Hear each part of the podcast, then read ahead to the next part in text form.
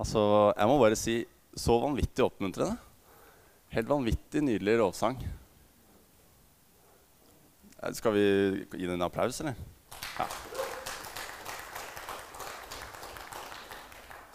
Fantastisk. Ja, det må jeg bare si. Eh, altså, jeg ble så oppmuntra av den lovsangen. Ja, virkelig. Den traff meg vanvittig bra der, altså. Nå har jeg sagt vanvittig fire ganger, tror jeg, mens jeg begynte her. Og det sier jo litt. Som dere ser, så trenger jeg litt hjelp. For jeg har litt sånn eh, ærefrykt når jeg skal tale. Jeg, må, jeg føler jeg må forholde meg til notatene mine, eh, forberedelsene mine og sånn, så jeg har med en hel PC eh, opp hit. Det er jo ikke lite heller. Kan du hjelpe meg med den? Ta den høyere opp.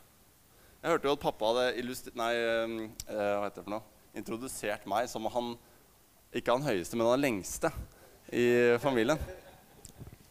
Og Det ser vi nå på dette stativet. Jeg vet ikke om, vi, om det går an å få det høyere. Det trenger vi ikke, altså. Men uh, dette er helt nydelig. Akkurat det vi trenger. Så bra. Eh, hva, hvis jeg logger på her, sånn, kan ikke du bare snakke litt med naboen og si uh, hvor fantastisk bra den personen ser ut i dag?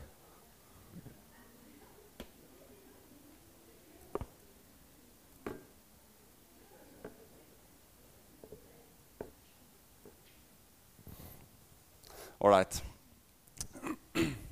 Så bra. Eh, Jeg heter Simen Trandum. Er sønnen til Randi, den flotte eh, mammaen min som sitter der. Ja. Jeg er også sønn av eh, Jon Ivar, som dere jo kjenner veldig godt. Eh, og eh, jeg bor i Oslo eh, til vanlig. Eh, Jeg gjør ikke det bare til vanlig, jeg gjør det hele tiden, egentlig. Eh, og, så, går jeg i en menighet som heter Philadelphia Oslo der, eh, og er en del av eh, eh, en engasjert gjeng som eh, har forsøkt å bygge et arbeid rundt eh, studenter og den gruppen. Eh, og det syns jeg er vanvittig meningsfullt, fordi eh, statistikken viser at det er den gruppen som eh, eh, faller bort fra troen eh, oftest. Så da syns jeg det er vanvittig bra å kunne være med å bygge et arbeid eh, for, den, eh, for denne gjengen. Så det er gøy å stå i. Eh, for øyeblikket så er det eh, ja, etter covid alt mulig, så, så tror jeg vi faktisk sitter igjen med at det er omtrent 50 smågrupper eh, blant denne gjengen. Eh, og så er det kanskje gjennomsnitt på 5-6-7 stykker da, i hver smågruppe. Og der har det blitt sånn at, eh, at det er eh, nesten uvanlig å gå der og ikke være en del av en smågruppe. Og det syns jeg er et kult gruppepress.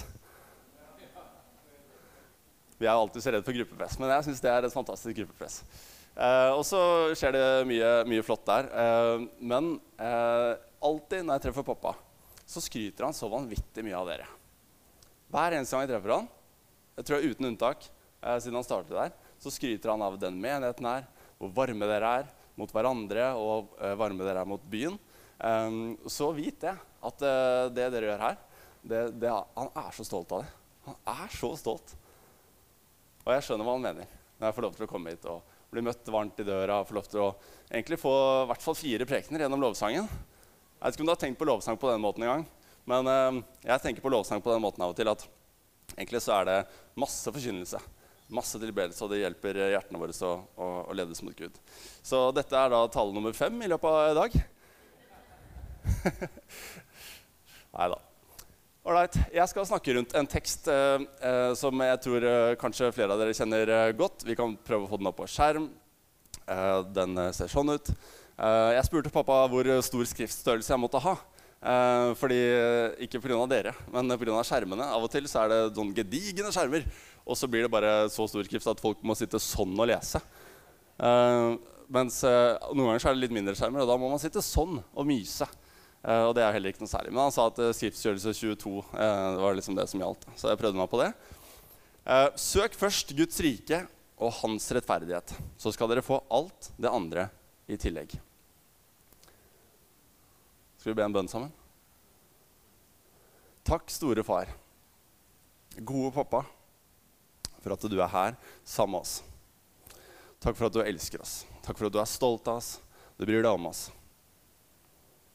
Takk, Herre, for at du ser eh, akkurat de minuttene vi har foran oss nå.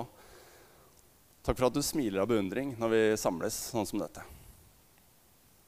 Jeg ber deg, Hellige Ånd, om at du skal komme og åpenbare Skriften for oss. Takk for at du er her, helt ufarlig, så personlig og god. Og det er du som kjenner oss best av alle. så takker jeg deg, Hellige Ånd, for at du ser den situasjonen som vi står i. Eh, eh, den vanskelige situasjonen i menigheten også eh, akkurat nå, med, med han som gikk bort. Takk, Herre, for at du er med familien. Takk, Herre, for at du er til stede. Takk for at du kommer med eh, trøst, omsorg. Og så må du hjelpe oss til å bære hverandres byrder. Så takker jeg deg for at vi får lov til å rette blikket oppover Sånn som Vegard introduserte meg, at du er god, Gud. Du er god. Og så få lov til å være her til stede.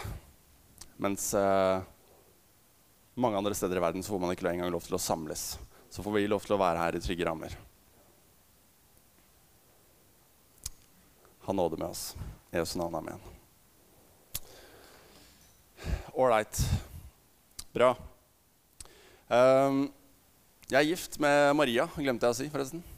Uh, skulle selvfølgelig fått hun opp på en catwalk, men uh, det går ikke an. Uh, men jeg skulle hilse mye. Og så jobber jeg med Eller jeg har ansvar for en markedsavdeling egentlig, for et selskap som heter Ernst Young. Som er et svært sånn, konsulentselskap og bla, bla, bla. Det er ikke sikkert så spennende. men der er ansvar for tolv stykker. og jeg syns eh, det er vanvittig bra. Og så preiker jeg litt sånn en sjelden gang iblant. da, sånn som dette her. Eh, og før det, så når jeg studerte, sånn, så var jeg ungdomsleder i en menighet i Tønsberg som heter eh, Betania Tønsberg. Eh, var det i eh, det som ungdomsledere pleier å være i en periode. Det er to og et halvt år. Eh, det er ikke så mye Det er ikke så lenge. Men vi holdt nå ut, så vi skapte veldig mye flott da. Um, um, yes. Ålreit. Jeg skal over til en av mine yndlingsting pizza. Ah, den så fristende ut. Det er ikke meninga hvis du skippa frokosten i dag, så, så ber om uh, unnskyldning. For da ble du sikkert veldig veldig sulten nå. Uh, men, uh, men, pizza. Jeg vet, Dette eksempelet kan bli litt sånn flåste. Men hvis vi drar søk først Guds rike og hans rettferdighet inn i eksempelet på pizza, så er det jo populært å snakke om at vi deler opp livet i ulike deler av livet. Hvor noe av livet er skole, noe er jobb, noe er familie osv. Men søk først Guds rike og hans rettferdighet handler om at hvis livet er en pizza, så skal vi smøre tomatsaus over hele pizzaen hvis Jesus er tomatsausen. Eh, Jesus skal involvere absolutt alle deler av livet vårt.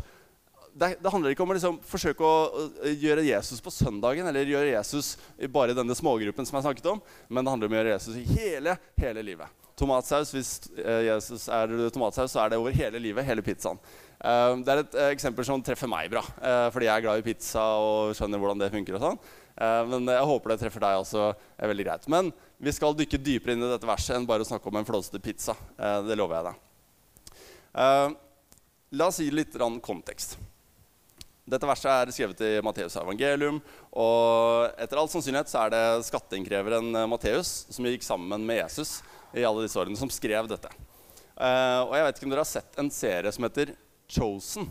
Men det er en serie som eh, forteller et bilde av Jesus og hans disipler som er veldig interessant. Matteus han blir fremstilt som en person som er så opptatt av orden at du har nesten ikke vært borti det samme. Han er så opptatt av orden, struktur, ting skal være rett. Og han er så opptatt av disse tingene. Så når han har skrevet dette evangeliet, så har han samlet det som alle de andre apostlene sier og har hørt at Jesus har eh, undervist. Også når de fulgte han hele døgnet rundt, 24-7. Så har de samlet alt dette sammen, så har Matteus lagd et evangelium. Evangeliumet eh, forsøker å peke tilbake til hele historien som også Vegard nevnte, eh, med Gud og Israel. Eh, og så peker han på Jesus og hans hovedbudskap. Han forteller at Jesus er fortsettelsen og oppfyllelsen av den bibelske fortellingen med Gud og Israel.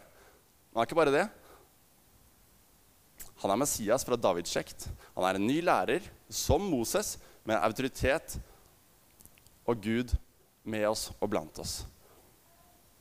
Um, etter at uh, Vi er jo i, i, vers, nei, i kapittel 6. Og etter at uh, Matteus har gitt oss en, en, introduksjon av hvordan Jesus ble født osv., videre, um, så får vi lov til å høre mer av Jesu lære. Vi dykker egentlig rett inn i det. Um, Jesus sin, holder sin bergpreken. Um, og dette er jo et bilde av, av, som forsøker å illustrere det. Uh, og egentlig oppsummert så er det tre um, hovedbudskap i denne delen, i denne Jesu lære. Nummer én han konfronterer det onde. Nummer to han gjenoppretter Guds rike. Og nummer tre han skaper en ny familie troende. Når Jesus står på, talen, så, nei, står på, på et berg, eh, så er det sannsynligvis fordi at han, stemmen hans skulle nå flest mulig. Sannsynligvis var det store folkemasser som var interessert i å høre hva han hadde å si. Så han sto på et berg for at stemmen skulle nå langt. Og så drar han gjennom ganske mange ting. Blant annet når du leser saligprisen, og sånn, så, så, er det akkurat som du hører at Jesus sier sånn Dere har hørt, men jeg sier dere. Han setter skapet på plass. Nå har dere gått og tenkt dette. Nå har dere fått et inntrykk av hvem Gud er. Men hør, jeg er, jeg er Guds sønn. Dette er Gud. Jeg er så glad for at han gjorde det. For tenk hva slags misforståelser det, som, som regjerte. Og som hadde regjert i dag. Hvis ikke det hadde vært for at Jesus kom og satte skapet på plass. Og Bergprekenen er et av de stedene hvor vi virkelig eh, får et innblikk i, i akkurat dette. Eh, vi skal faktisk lese en del vers i dag. Jeg håper du er klar for det. Å, så fantastisk. Og jeg syns det er så fantastisk også med det engasjementet som, som, er, som er, her. Matteus 6. Eh, uh, og jeg tenkte at jeg skulle liksom, invitere dere til å være med og lese høyt med meg. Problemet når jeg har gjort det før, det er at jeg leser så styk, sånn rart, så det blir bare tull. Så jeg tenkte sånn, nå kan jeg lese høyt, så kan dere lese inni dere. Så slipper det å bli et forstyrrelseselement. God plan? Så bra. Ok, Dette er Jesus som sier. Dere skal ikke samle skatter på jorden, hvor møll og mark ødelegger, og hvor tyver bryter inn og stjeler. Men dere skal samle skatter i himmelen, der verken møll eller mark ødelegger, og tyver ikke bryter inn og stjeler. For der skatten din er, vil også hjertet ditt være. Øyet er kroppens lampe. Om øyet ditt er klart, er det fordi kroppen er fylt av lys. Men om øyet ditt er sykt, er det fordi kroppen er fylt av mørke. Er nå lyset i deg mørke, hvor dypt blir ikke da mørket? Ingen kan tjene to herrer.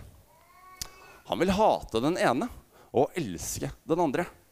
Eller holde seg til den ene og forakte den andre. Dere kan ikke tjene både Gud og mammon. Derfor sier jeg dere, vær ikke bekymret for livet, hva dere skal spise eller hva dere skal drikke. Heller ikke for kroppen, hva dere skal kle dere med. Er ikke livet mer enn maten og kroppen mer enn klærne? Se på fuglene under himmelen. De sår ikke, de høster ikke og samler ikke i hus. Men den far dere har i himmelen, gir dem føde allikevel. Er ikke dere mer verdt enn de? Hvem av dere kan vel med all sin bekymring legge en eneste alen til sin livslengde? Og hvorfor er dere bekymret for klærne? Se på lillene på marken, hvordan de vokser. De strever ikke og spinner ikke. Men jeg sier dere, selv ikke Salomo i all sin prakt var kledd som en av dem. Når Gud kler gresset på marken så fint, det som gror i dag og kastes i ovnen i morgen, hvor mye mer skal han ikke da kle dere, dere lite troende? så gjør dere ikke bekymringer. Og si ikke 'hva skal vi spise', eller 'hva skal vi drikke', eller 'hva skal vi kle oss med'. Alt dette er hedningene opptatt av. Men den far dere har i himmelen, vet jo at dere trenger alt dette. Søk først Guds rike og hans rettferdighet, så skal dere få alt andre i tillegg. Så gjør dere ingen bekymringer for morgendagen. Morgendagen skal bekymre seg for seg selv. Hver dag har nok med sin egen plage husker da jeg var eh, en del år yngre, så bodde vi hos bestemor og bestefar hele familien um, i noen år, for vi drev og pusset opp huset og sånn. Uh, og jeg kjeda meg perioder da så vanvittig. Åh, Det var så kjedelig å være i huset. Ingenting å leke med. og det var liksom alt det der. Men så var det en gang jeg fant uh, um, et Nytestamente på nattbordet til bestemor. Og så var det sånn som når du gjør noe Jeg vet ikke om man gjør det fortsatt, men jeg gjorde det i hvert fall da. Du liksom åpner Bibelen, lukker øynene, og så peker du sånn. Og så, skal, og så tenker du at nå skal Helligånd vise meg et eller annet spennende. Sånn, jeg, vet ikke, jeg, vet ikke, hvor jeg fikk det fra, men jeg gjorde i hvert fall det. Um, og da kom det vers 20, 34. så gjør dere ingen bekymringer for morgendagen. Morgendagen skal bekymre seg for seg selv. For meg da betydde det ingenting. Nei, det ga meg ingenting. Det var ikke noe spesielt ved det i det hele tatt. ikke noe spennende. altså sånn. Men det satte allikevel et spor i meg. Det var akkurat som at det ble et sånn ekko i livet senere. Jeg vet ikke om du har lest Guds ord av og til, og så fungerer det på den måten. At du har lest noe, og så dukker det opp i riktig tid. En eller annen tid i livet. For meg så har det utallige ganger faktisk betydd masse. Jeg har gått og gruet meg, bekymret meg. Og så har jeg husket på det verset. Og Gud har dratt meg opp på dette ørneperspektivet sitt. Hvor han kan se det store og det hele bildet. Jeg trenger ikke å bekymre meg. Ok, Skal vi prøve som vi pleier i, i taler, og dra tre punkter ut av noe? Ja, vi må det. Ok. Uh, nummer én. Basert på dette. Gud vet hva du trenger. Å, så befriende! Er ikke det deilig? Det er i hvert fall ikke rart. Han har jo skapt oss, så selvfølgelig vet han hva vi trenger. Men jeg tror det er lett å glemme av og til. Det er lett å tenke at han er fjern, urelevant, ikke aktuell. Men hallo! Han har jo skapt deg. Han vet akkurat hva du trenger. Nummer to Gud gir deg det du trenger. Gud gir deg det du trenger. Når jeg leser det punktet, så kjenner jeg at det utfordrer meg litt. Jeg har jo masse ting jeg har lyst på som jeg ikke har fått. Broren min ba jo om hund i ti år. Han fikk aldri hund. Jeg ser ikke på mamma. Jeg ser ikke på mamma. Jeg skal komme litt tilbake til det. Ikke hunden, altså, men det punktet. Gud sier vi ikke trenger å bekymre oss. Jeg er så glad for at det er Gud som, eller Jesus som sier det i disse versene. For hadde det vært Paulus, med all respekt, så hadde det ikke betydd noen ting. Paulus har ikke integriteten til Jesus. Hvis det hadde vært eh, noen andre som sto her og liksom plutselig sa at du trenger ikke å bekymre deg, og sånn, hva har det å si? Den personen har ikke noe integritet i det. Jesus har det. Jesus har integritet til å si at vi ikke trenger å bekymre oss for noe. For han har all makt i himmel og på jord.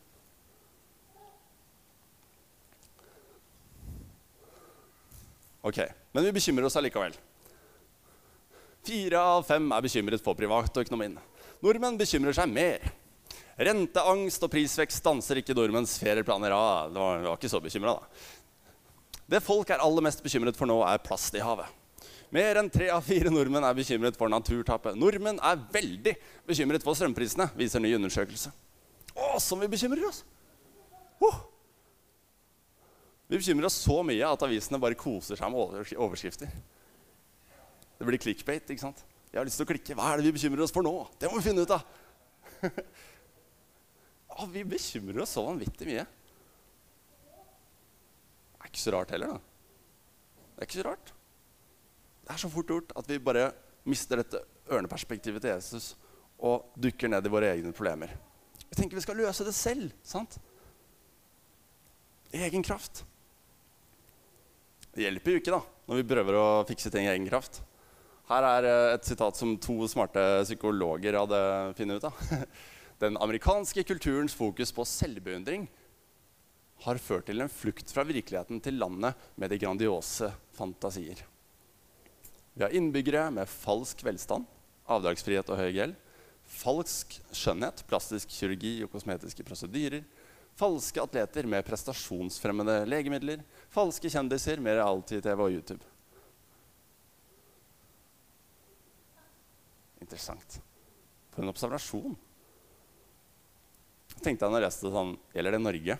Ja, absolutt. Dette er ikke bare i det grandiose Amerika. Dette er jo vår hverdag. Eller i hvert fall vår verden. Det er akkurat som at når vi prøver å fikse ting selv, dyrke oss selv, dyrke mennesket, så bare slår det så vanvittig feil. det slår så vanvittig feil. Og I stedet for at det blir flere løsninger, og sånn, så, så blir det egentlig bare flere problemer. Vi mister fokus på Gud og Han som har skapt oss og vet hvilke behov vi har. Som gir oss det vi trenger. Vi forsøker å løse det selv. Og så blir det egentlig bare flere bekymringer. interessant. Det er akkurat som at Jeg vet ikke om du har prøvd å lage sandslott noen gang, men um, Jeg prøvde å lage sandslott i sommer. Nei, når var det vi var i Spania? Mamma, med, det var i, i påsken? Nei, enda lenger. Ja, en stund tilbake. Jeg prøvde å lage sandslott med mine nevøer og nieser. Fant ut at jeg var ikke noe flink på å lage sandslott. Uh, men de ble jo imponert, så det var jo kjempegøy. Uh, men når jeg begynte å se på flere sandslott, så begynte jeg å si at jeg kan ikke lage sandslott. det sandslottet der, det, det slår meg. Eh, danskene Jeg vet ikke om dere fikk med dere det overskriften i, i, fjor. Men danskene de skulle lage verdens største sandslott. Verdens høyeste sandslott. 30 Jeg må dobbeltsjekke det tallet. I hvert fall 31 meter i diameter. Hvor mange tonn med sand, tror du? 4860 tonn med sand. 140 vogntog skulle frakte denne sanden her. 30 personer jobbet på skift, som inkluderer teknikerteam, kunstnerlag og arbeidsteam. Noen av verdens mest talentfulle sandskulptører designer Sandslottet. Prosjektet er en investering på drøyt 3 millioner danske kroner. Det forventes å kunne stå oppført i seks måneder. seks måneder? Hæ? Det var lenge, men hæ? Skal vi, skal vi investere tre millioner? Og så mange folk, og alt dette for å bygge et sandslott? Jeg vet ikke om du ser parallellen, men for meg så var det akkurat som om parallellen er våre liv. Altså Det er en pastor som heter Rich Wilkerson jr., som skrev en bok om disse tingene. Verden har virkelig funnet ut hvordan man kan produsere materiell suksess. Men når det gjelder å produsere ekte, langvarig lykke, er vi helt på jordet. Jeg syns det er så spot on. Han hevder at det er Jesus og et omvendt liv som gir ekte, langvarig lykke.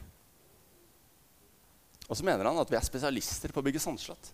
Vi er det han kaller Sandcastle Kings. Konger av sandslott, dronninger av sandslott. Vi bygger sandslott i hytt og gevær. Og det er jo det hvor kulturen vår også dyrker. sant? Det er jo sånn vi blir lykkelig. Jo flottere materiell suksess rundt oss osv., jo lykkeligere blir vi. Men Guds rike sier jo motsatt. Hva var det versene vi åpnet med? Søk først Guds rike og hans hmm. Det er som så ofte med Guds rike at han, det snus på hodet, egentlig.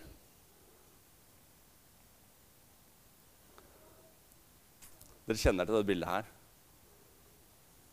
I hvert fall budskapet gjennom det. Jesus har holdt denne talen sant? på bergprekenen. Står der på fjellet og taler. Setter uh, de fariseerne på plass. Dere trodde det var sånn, men hør. Sånn er det. Og så gir han folket lære. Og han sier, 'Dere skal gi hele livet til Jesus. Til meg.' Og så bruker han et bilde. Kan lese, jeg kan lese teksten. Hva er den som hører disse mine ord og gjør det de sier? Ligner en klok mann som bygde huset sitt på fjell. Regnet styrtet, elvene flommet, og vindene blåste og slo mot huset. Men det falt ikke, for det var bygd på fjell. Og hver den som hører disse mine ord og ikke gjør det de sier, ligner en uforstandig mann som bygde huset sitt på sand. Regnet styrtet, elvene flommet, og vindene blåste og slo mot huset da det falt, og fallet var stort. Da Jesus hadde fullført talen, var folket slått av undring over hans lære. For han lærte dem med myndighet, og ikke som deres skriftlærde. Han oppsummerer det med dette bildet. Og I disse ordene så ligger en forståelse av Jesus sitt budskap om å søke Guds rike og hans rettferdighet først. Hvis dere søker Guds rike og hans rettferdighet først, så får dere alt annet i tillegg, står det i ordene. sant? Men ok, la oss tenke litt på de ordene. Hvis jeg søker Guds rike og hans rettferdighet først, så skal jeg få alt annet i tillegg. Hva er motivasjonen vår i den setningen? Du kan faktisk velge motivasjonen. To ulike steder det. Jeg kan velge om motivasjonen min er å få alt annet i tillegg gjennom å søke Guds rike først. Eller å søke Guds rike først og så få alt annet i tillegg. Jeg skal bruke pizzaeksempelet igjen, for jeg tror det illustrerer noe bra nå. Når jeg, jeg vet ikke om du har bestilt pizza noen før. Opp med hånda hvis du har bestilt pizza på en eh, pizzarestaurant. Ja, man jeg skammer seg litt for å gjøre det. Jeg skjønner man, ja, Det rakk ikke den hånda opp høyt. Men du ringer der, bestiller pizza, ikke sant? og så tenker du ikke på så mye mer enn annet enn men du kommer, og så skal du plukke opp pizzaen, og så sier du sånn 'Vil du ha rømmedressing?' Vil du ha rømmedressing? Hvitløksdressing? Og da er det sånn Ja, steike, kanskje jeg skulle hatt det. Ja, ta med rømmedressing. Dra hjem og spiser. Men jeg ringte jo ikke for å, ha, for å få pizza med rømmedressing. Det jeg skulle oppnå, var å få pizza. Og så ble jo på en måte rømmedressingen noe greier i tillegg. Og det var digg, det. Når jeg vil ha pizzaen, så er det det som er mitt hovedfokus. Jeg ringer, jeg vil ha pizzaen, og så får jeg et eller annet annet i tillegg som gjør det mer ålreit. Og det er fint. Men motivasjonen min er jo ikke å få rømmedressing. Jeg ringer ikke til pizzarestauranten og sier «Hei, kan jeg få litt rømmedressing. Og så får jeg en pizza i tillegg. Det blir jo helt rart. Vi skal søke Guds rike først. Og hans rettferdighet, så skal dere få alt det andre i tillegg.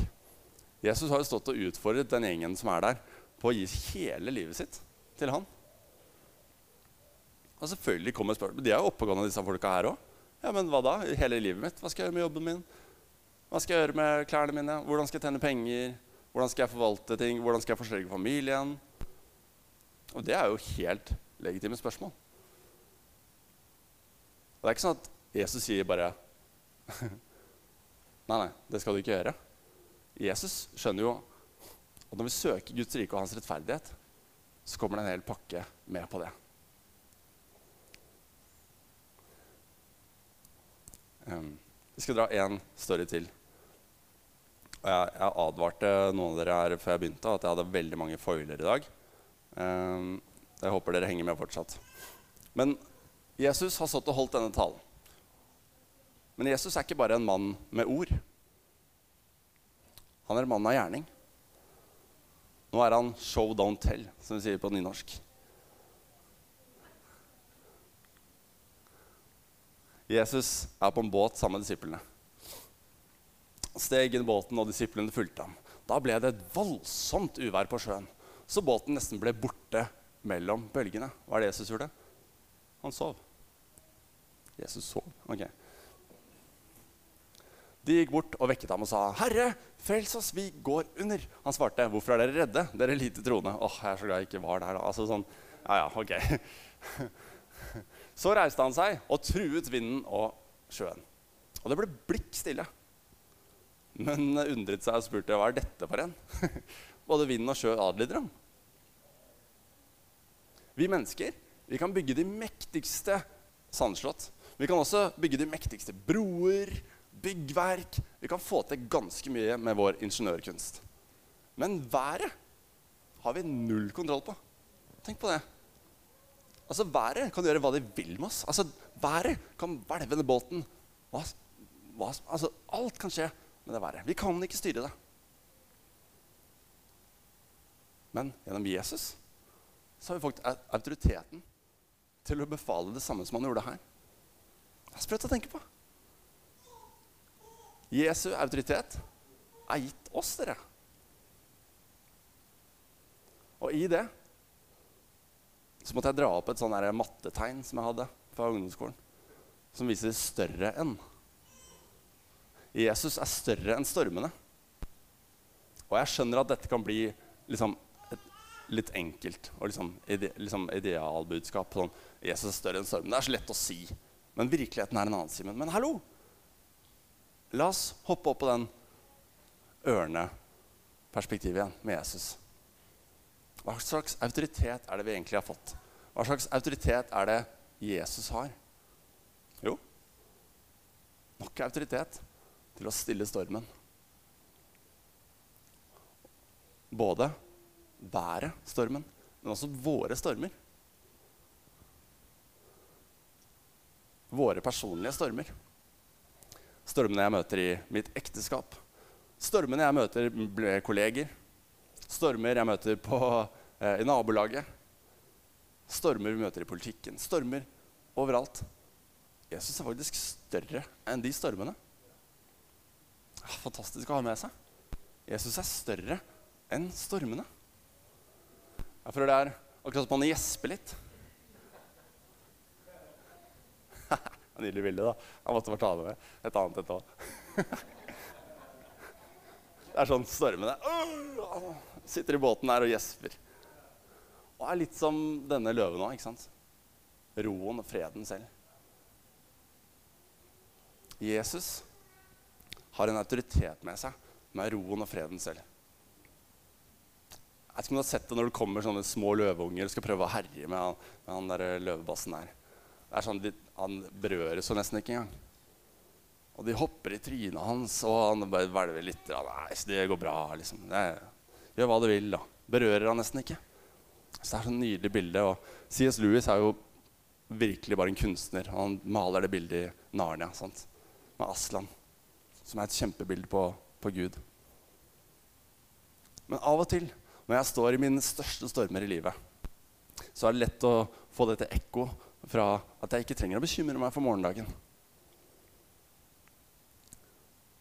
Og det er ikke bare innholdsløse setninger. Fordi det er, det er Jesus som jeg kan få lov til å lene meg på. Og den freden som hviler i han. Noen ganger så er det sånn at når jeg møter på mine omstendigheter, så er jeg så lett for å prøve å se løsningene. Sånn, bryte det opp. Og jeg skal bruke min egen fornuft. klart det. Jeg har fått gaver, og uh, jeg tror i hvert fall selv at jeg har fått gaver til å tenke fornuftig. og sånn. Eh, men av og til så ser det sånn her ut. Altså Jeg ser på en vei, men så er alt bare opp ned. Hvis du ser inn i linsa der, så han, hæ, står han ikke egentlig på en vei som går som er riktig vinkel, men så inni den linsa ser det, så ser det rart ut. Men så snur du på det, og så bare Å ja, hæ? Ingenting stemmer. Av og til når jeg er i mine omstendigheter, så ser jeg ingen utvei. Ingenting stemmer. Men så kan jeg rope til Gud. Jeg kan rope til Gud i fredstid. Jeg kan rope til Gud når det er krisetilstander. Og han kan hjelpe meg, ikke bare med liksom mitt perspektiv, for det blir for lett. Han hjelper meg med å gå gjennom det. Med Den hellige ånds trygghet og fred og styrke og autoritet. Jesus er også større enn våre omstendigheter. Noen ganger kan våre omstendigheter virke altfor sterke. Det er helt umulig. Men igjen Jesus ønsker å ta deg opp på, på, fra ørneperspektivet og se. Og minne deg på at du har hans autoritet gjennom Helligånd. Ok, jeg har snakket lenge. Men hva gjør dette med din hverdag, egentlig? Jeg kan spørre meg selv. Hva gjør dette med min hverdag? Altså, Jeg klarer ikke å dra dette her ned i min hverdag fullt ut i det hele tatt. Skal jeg være dønn ærlig. Tenk da, hvis jeg hadde klart å dra Jesus' autoritet inn i alle livssituasjoner i livet. Det hadde vært sprøtt, det. Men det er jo sånn det er tenkt. Og i stedet for å bli motløst av dere, så kan vi møte det med en fremoverlenthet. Tenk, da, hva slags autoritet som vi har fått. Når vi skal søke Guds rike først, så ligger det også en, et omvendelsesbudskap der. Det handler om å vende seg bort fra å søke mitt rike, eller menneskets rike, eller menneskets egenskaper først å snu seg liksom 180 grader og søke på Guds rike først. Det er nøkkel, altså. Hvis jeg skal prøve å blande mine gode løsninger og mine veier med Guds veier, ja, da blir det i hvert fall ikke noe snarvei. Jeg tror bare det blir omvei. Jeg må vende meg bort fra de tingene som faktisk kan forstyrre som sørger for at den linsa der blir helt rar. Og heldigvis så er ikke dette et soloprosjekt, dere. Å, så heldige dere er som har hverandre. Et fellesskap som vi får lov til å slipe hverandre. Med Den hellige ånds visdom og kunnskap så kan vi bære hverandres byrder fra den gamle veien, hvor vi driver og bygger sandslott og prøver å fikse vårt liv 100% selv, til et liv hvor Jesus styrer skuta. Jeg syns det er oppmuntrende å slippe å tenke at jeg skal fikse ting selv. I hvert fall når jeg vet at Gud kjenner mine behov. Han vet hva jeg trenger. Og han har fremtidsplaner for mitt liv. Og det som er deilig med et sånt budskap, er at det er uh, tidløst. Det er så lett å tenke nå, er det flere små barn her. Sånn, de har livet foran seg. Nei. Det er noen som sier at det beste ligger foran. Og bruker det som sånn, et tidløst eh, nærmest utrop for livet sitt. Det beste ligger foran. Det er også utfordrende. Men jeg er helt overbevist om at det er det når vi søker Guds rike først og hans rettferdighet. For hva er det som skjer når vi får bli rettferdiggjort, dere? Jo, vi får jo en fred på innsiden som alle andre i samfunnet lengter etter. Som søker alle andre retninger for å bli bekreftet og få mestring. Alt det der, sånn at de kan få fred. De der psykologene jeg nevnte i stad. Ja. De som, altså alt som, alle disse grepene som gjøres, som handler om å egentlig bare prøve å finne den beste måten å leve dette livet på, det blir bommerter uten Jesus. Vi får eksistensiell fred med Jesus. Du får relasjonell fred med Jesus. Og du får åndelig fred med Jesus.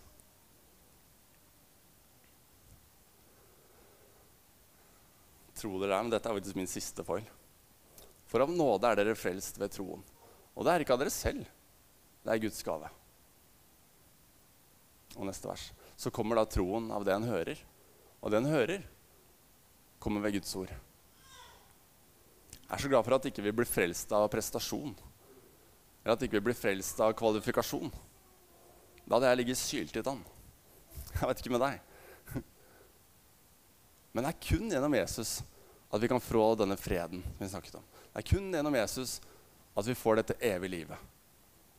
Hva er det evige livet, egentlig? Å kjenne Gud, skriver Johannes. Det evige livet er å kjenne Gud. Har du blitt ferdig kjent med noen noen gang? Jeg har aldri blitt ferdig kjent med noen noen gang. Mamma har fulgt meg siden jeg var liten. Til og med mamma er ikke ferdig kjent med meg. Det går ikke an å bli ferdig kjent med Gud. Det er en, bønn, en, en brønn som er evig dyp, som vi kan fortsette å dykke i og dykke i. Og bli evig kjent med Han. Og hvordan gjør vi det? Og det starter med det verset der. Så da kommer da troen av det en hører. Og det en hører, kommer ved Guds ord. I din relasjon med Gud gjennom Den hellige ånd så vil Den hellige ånd åpenbare ting for deg. Og gjennom det så blir vi bedre og bedre kjent med Gud. Siste personlige eksempelet fra meg. Jeg husker at når jeg var, uh, Rett før jeg skulle bli ungdomsleder, så fikk jeg nei, kanskje litt før, så fikk jeg en sånn åpenbaring av at Jesus er jo virkelig personlig. Og ikke bare det. Jesus er jo til og med relevant. Jesus er jo relevant, selv om jeg var sikkert jeg ikke, 19 år eller 20 eller noe sånt nå, og skulle ta masse, de største valgene i verden, følte jo jeg. ikke sant? Hvilken skole skal jeg begynne på? Og så begynte jeg å lese eh, Bibelen. Jeg begynte å lese og studere hvor, hvor Jesus sitt liv.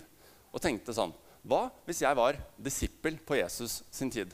Og fulgte han, sånn som Matteus som skrev disse ordene. Så begynte jeg å lese Bibelen på den måten. Leve meg inn i historiene. Og det jeg merket, var at Jesus ble mer personlig for meg. Og gjennom det så lærte jeg også mer av hvem Gud er. Jeg lærte Gud å kjenne. Og jeg vet ikke om det, om det, er til noen her i dag, men, men hvis du er der hvor, det, hvor, det, hvor, du føler det er tørke i gudsrelasjonen så håper jeg det kan være en oppmuntring. Helt konkret. Åpne evangeliene. Hvordan er det å være Jesu disippel når jeg leser disse historiene? Og så be Den hellige ånd om å vise deg hvem Jesus er. For hva er Jesus? Jo, han er det beste bildet på hvem Gud faktisk er. Umulig å bli kjent med Gud uten Jesus. Så kommer da troen av det en hører, og det en hører, kommer med Guds ord.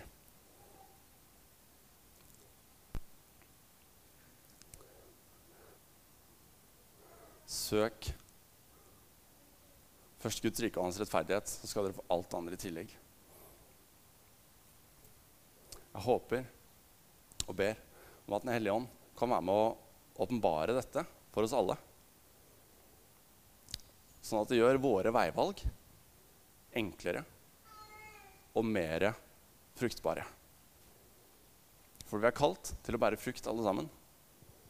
Og det blir ikke så mye frukt når vi prøver å gjøre ting sjæl. Når vi søker Hans rike, så kommer det frukt. Kan vi ikke reise oss alle sammen, og så vil jeg gjerne be en bønn sammen med oss alle.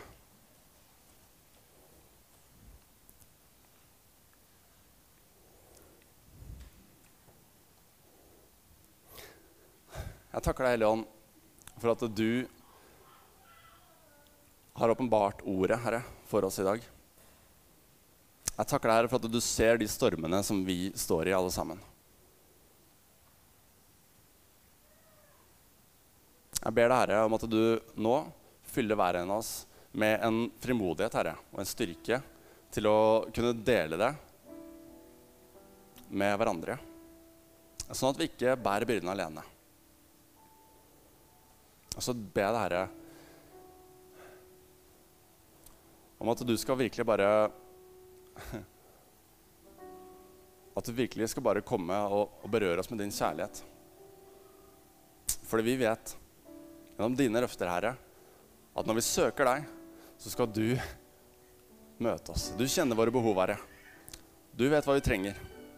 Og så ser du oss når vi har en så sterk tro at vi bare kan befale været og stilne. Og så ser du også, Herre, når vi har den minste sennepsfrø av tro, og alt annet nesten er tvil.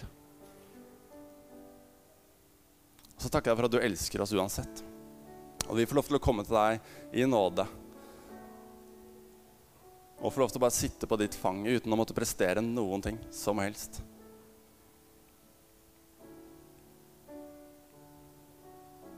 takker deg for at du ser, eh, ser oss når vi møter, og den av oss som, som, virkelig er der nå, i en sånn tørketid.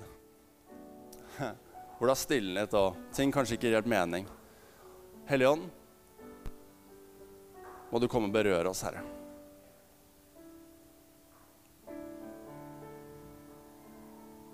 Må din kjærlighet bare overøses, Herre. Og så takker jeg også, Herre, at du ser de av oss som virkelig bare har prøvd å finne ting på egen hånd. Og som har prøvd å bygge dette sandslottet å, så lenge. Jeg ber deg om at du skal vise oss den bedre veien. At du gir oss visdom, Herre, til å søke deg. Søke deg først. Ikke for å få det andre i tillegg, men for å søke deg først.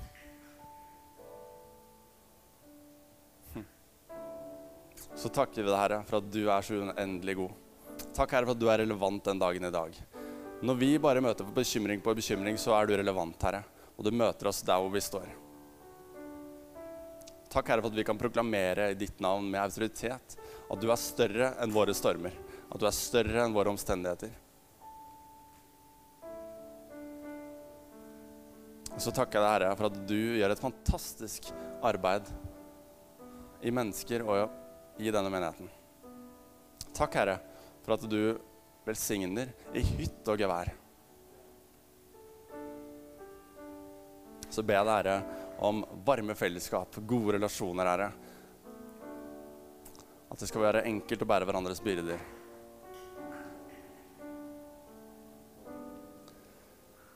Så ber vi om i Jesu Kristi navn. Hvis du var enig i noe av det, så kan du si amen. Fantastisk. Da tror jeg vi skal lovsynge litt.